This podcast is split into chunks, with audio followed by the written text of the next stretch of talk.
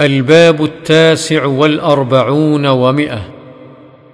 باب جواز قول المريض أنا وجع أو موعوك أو وراساه ونحو ذلك. إذا لم يكن ذلك على سبيل التسخط وإظهار الجزع. عن ابن مسعود رضي الله عنه قال دخلت على النبي صلى الله عليه وسلم وهو يوعك فمسسته فقلت إنك لتوعك وعكا شديدا. فقال أجل إني أوعك كما يوعك رجلان منكم. متفق عليه.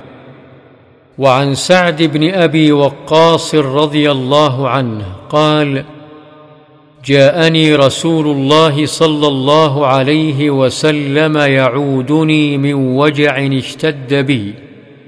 فقلت بلغ بي ما ترى وأنا ذو مال ولا يرثني إلا ابنتي وذكر الحديث. متفق عليه. وعن القاسم بن محمد قال قالت عائشة رضي الله عنها وراساه فقال النبي صلى الله عليه وسلم بل أنا وراساه وذكر الحديث. رواه البخاري.